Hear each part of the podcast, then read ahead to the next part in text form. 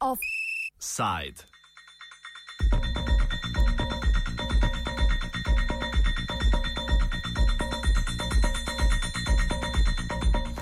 Zaporniški sistem in kaznovalna politika.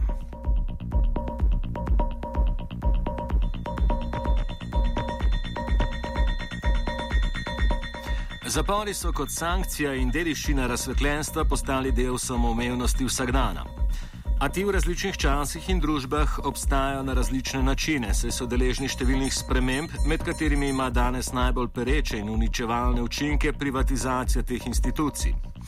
Na to nam kaže predvsem primer Združenih držav Amerike, kjer je po valu privatiziranja zaporov njihova preobljudenost močno narasla, medtem ko je uspešnost reintegracije zapornika padla. S tem gre v večini primerjih z roko v roki tudi poostrevanje kaznovalne politike. Trend zaostrovanja sankcij ob nesorazmernem naraščanju stopnje kriminalitete je vidna tudi v Sloveniji, so, kar so povdarili organizatorji konference Dnevi vrstoslovja z naslovom Kuovadis - nadzorovanje in kaznovanje, ki trenutno poteka v Sloveniji. Vsobi, vsebino ugotovitev konference nam je povzel Jože Podržaj, direktor uprave za izvajanje kazenskih sankcij. Torej se strinjam z ugotovitvijo um, strokovnjakov, da je ta razkorak med naraščanjem stopne kriminalitete in pa uh, torej ukrepi kaznovalne politike uh, dejansko uh, nesorazmeren. Uh, je pa tudi dejstvo na drugi strani, da Slovenija kljub temu uh, sicer slabemu trendu še vedno v okviru uh, torej Evrope uh, ostaja v relativno dobri poziciji. To kažejo konkretni podatki o številu zaprtih na 100 tisoč prebivalcev. Pri nas, torej Sloveniji, je trenutno 67, kar je uh, torej na, spod, na, na, na dnu uh, evropskih držav in se lahko tukaj mirno primerjamo tudi s Skandinavijo. Uh, dejstvo je tudi, da se povečuje število uh, določenih vrst alternativnih kazni. Uh, tukaj mislim predvsem na tako imenovani vikend zapor in podobno. Tako da na eni strani uh, je res, da uh, se torej očitno uh, dolžina kazni povečuje, da je število zaprtih večje, nedavno smo presegli mejo 1500 zaprtih, kar je veliko. Na drugi strani pa, kot sem rekel, ne, ugotavljamo, da vendarle obstajajo mehanizmi, ki ta problem vsaj blažijo. Je pa seveda vsekakor potrebno in primerno, da um, se na tej točki vendarle ustavimo vsi skupaj in stroka in praksa in da um, ugotovimo, kako naprej, ker um, taki trendi so lahko tudi v neki perspektivi dejansko problematični. O zgodovinskem ozadju nastajanja tendence, ki veča napolnjeno zaparov za ostrovanjem sankcij, smo se pogovarjali s penologom Draganom Petrovcem. Mi smo imeli prvo zaostritev um, leta 1998, ko je pokojni predsednik Drnovšek, takrat še premijer, Eh, nekako dopustil, da je parlament sprejel 30-letno zaporno kazen, kar je bilo povsem brez kakršnega koli strokovnega razloga in utemelitve. Potem se je pa uh, to samo še stopnjevalo preko raznih izumov, kakršni so naprimer uklonilni zapor leta 2005, ki je evidentno neustavna rešitev in do zadnjega udarca civilizirani kaznovalni politiki, to je dosmrtni zapor pod uh, ministrom Šturmom leta 2008. Uh, eh, takrat ob tem nismo govorili o privatizaciji, ampak o nekih trendih, najprej, ki jih Evropa pričakuje in celo zahteva od nas, to je bila 30-letna zaporna kazen, kar ni bila resnica. In drugič, po neki nujni potrebnosti uh, dosmrtnega zapora za najhujša kazniva dejanja. Predtem je bila Slovenija 50 let popolnoma varna z 20-letno kaznijo kot maksimumom in nihče se ni čutil ogrožen zaradi tega, kar pomeni, da je politika nekako unovčila um, ta, ta nekakšen uh, uh, uh, populizem, ki se kaže v tem, da javno mnenje vedno z veseljem sprejema strožje kaznovanje, ker domneva, da bo s tem življenje lažje. Eh, in to zaostrovanje v resnici, kot ste omenili, ne gre v štric s kakšnim naraščanjem kaznjivih dejanj pri nas. Najhujša kazniva dejanja, nasilna, upadajo že zadnja desetletja, ne da bi jaz vedel, zakaj. Naprimer, število umorov je en tak tipičen primer, kjer je uh, Slovenija med najvarnejšimi državami na svetu. Um, in kljub temu padcu se kazni zaostrujejo, zamudo zaostrujejo, tako da niti ne bi mogli reči, da je korelacija taka, da uh, višjim kaznim sledi manjše število umorov. Seveda ne. To prvič ni nikakršne povezave in nažalost ima to zaostrovanje kriminalitetne politike čist samostojne izvire v idejah posamičnih politikov, ki so pa resnici na ljubo javnosti všečni.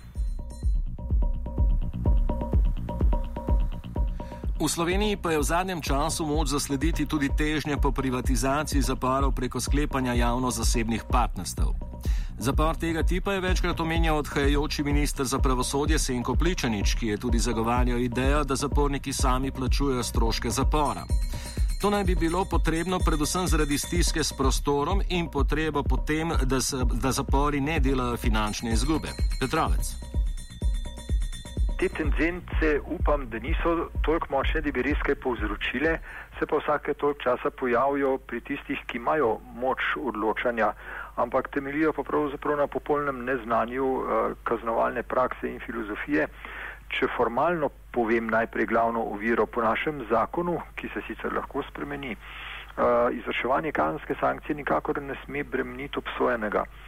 Druga stvar, če govorimo o privatizaciji zapora, je pa naslednja, ki bi morala biti vsakomu nekako jasna. Eh, vsak privatnik, ki bi se ukvarjal z zaporom, prvič nima nikakršnega znanja o temeljnem cilju zapora, to je o rehabilitaciji, in drugič nima nobenega interesa, da bi bilo primeroma zapornikov manj, kar bi moral biti primarni interes države. Eh, njegov edini načrt je služiti Eh, s pomočjo določenega števila zapornikov. In če bi mi to število zreducirali na nek obseg, kakršnega smo imeli recimo 95. leta, ko je bilo zaprtih ljudi vzorno malo, potem se tukaj popolnoma izgubi interes teh zasebnih investitorjev. Se pravi, prvič nimajo niti znanja, drugič nimajo nobenega interesa na tem, da bi bilo zapornikov manj. In že to samo po sebi izključuje kakršnokoli razmišljanje o privatizaciji zaporov.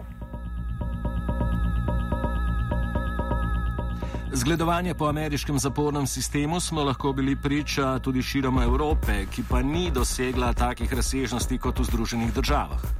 Ne vem, če se je v Evropi tako močno uveljavlja. Jaz nekaj časa nisem dost vedel o tem, potem sem šel pa mal pogledat uh, po podatkih in uh, še tam, kjer so jo imeli, počasi ugotavljajo tudi slabe strani tega. Uh, Amerike si pa v nobenem primeru ne kaže jemati za zgled pri nobeni stvari, ki se tiče kaznovanja. Slovenija je imela kaznovalni sistem tak, da so ga razumni evropski kriminologi že 20-30 let nazaj jemali kot vzor celi Evropi, da še enkrat pravim, Amerike sploh ne omenjamo, tako da bi se morali pravzaprav povrniti k takratni ideologiji in prvič razumeti zaporno kazen eh, kot nek skrajni izhod v kaznovanju in je ne širiti več, kot bi bilo potrebno. In drugič, kar jo že izvajamo, bi jo morali izvajati v smislu rehabilitacije, za katero pa danes ni več take družbene podpore in soglasja, kot smo imeli v času, ko je solidarnost nasploh bila neka družbena vrednota in upoštevanja vredna kategorija.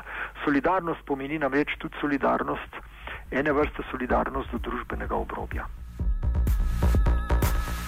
Sogovornik nam je predstavil tudi možne alternative v organizaciji sistema kaznovanja. Imamo tako imenovan alternativni zapor v narekovajih, kar pomeni, da iz zapora zaprtega tipa, to pomeni zapora, ki obsojencem ne nudi posebnih ugodnosti, ki jim ne nudi prostih izhodov, naredimo zapor odprtega tipa in praksa potrjuje, da zaradi tega okolje ni nič bolj ogroženo, prav nasprotno, ljudje se prej rehabilitirajo in tukaj so zaenkrat glavne rezerve v slovenskem sistemu izvrševanja zaporne kazni.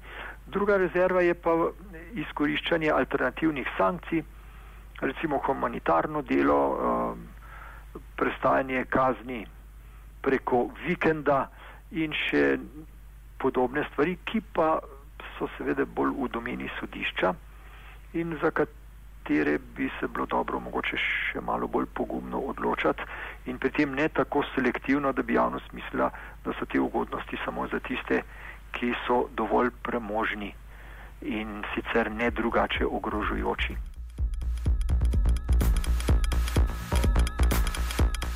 Zaključujemo z mislijo, ki jo je že pred leti zastavil filozof Michel Foucault, ki jo navajamo v angleščini. They tell us that the prisons are overpopulated, but what if it were the population that were being overimprisoned?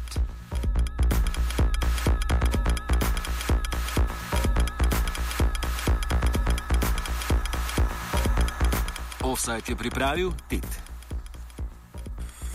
Oh. Oh. Oh. Offside.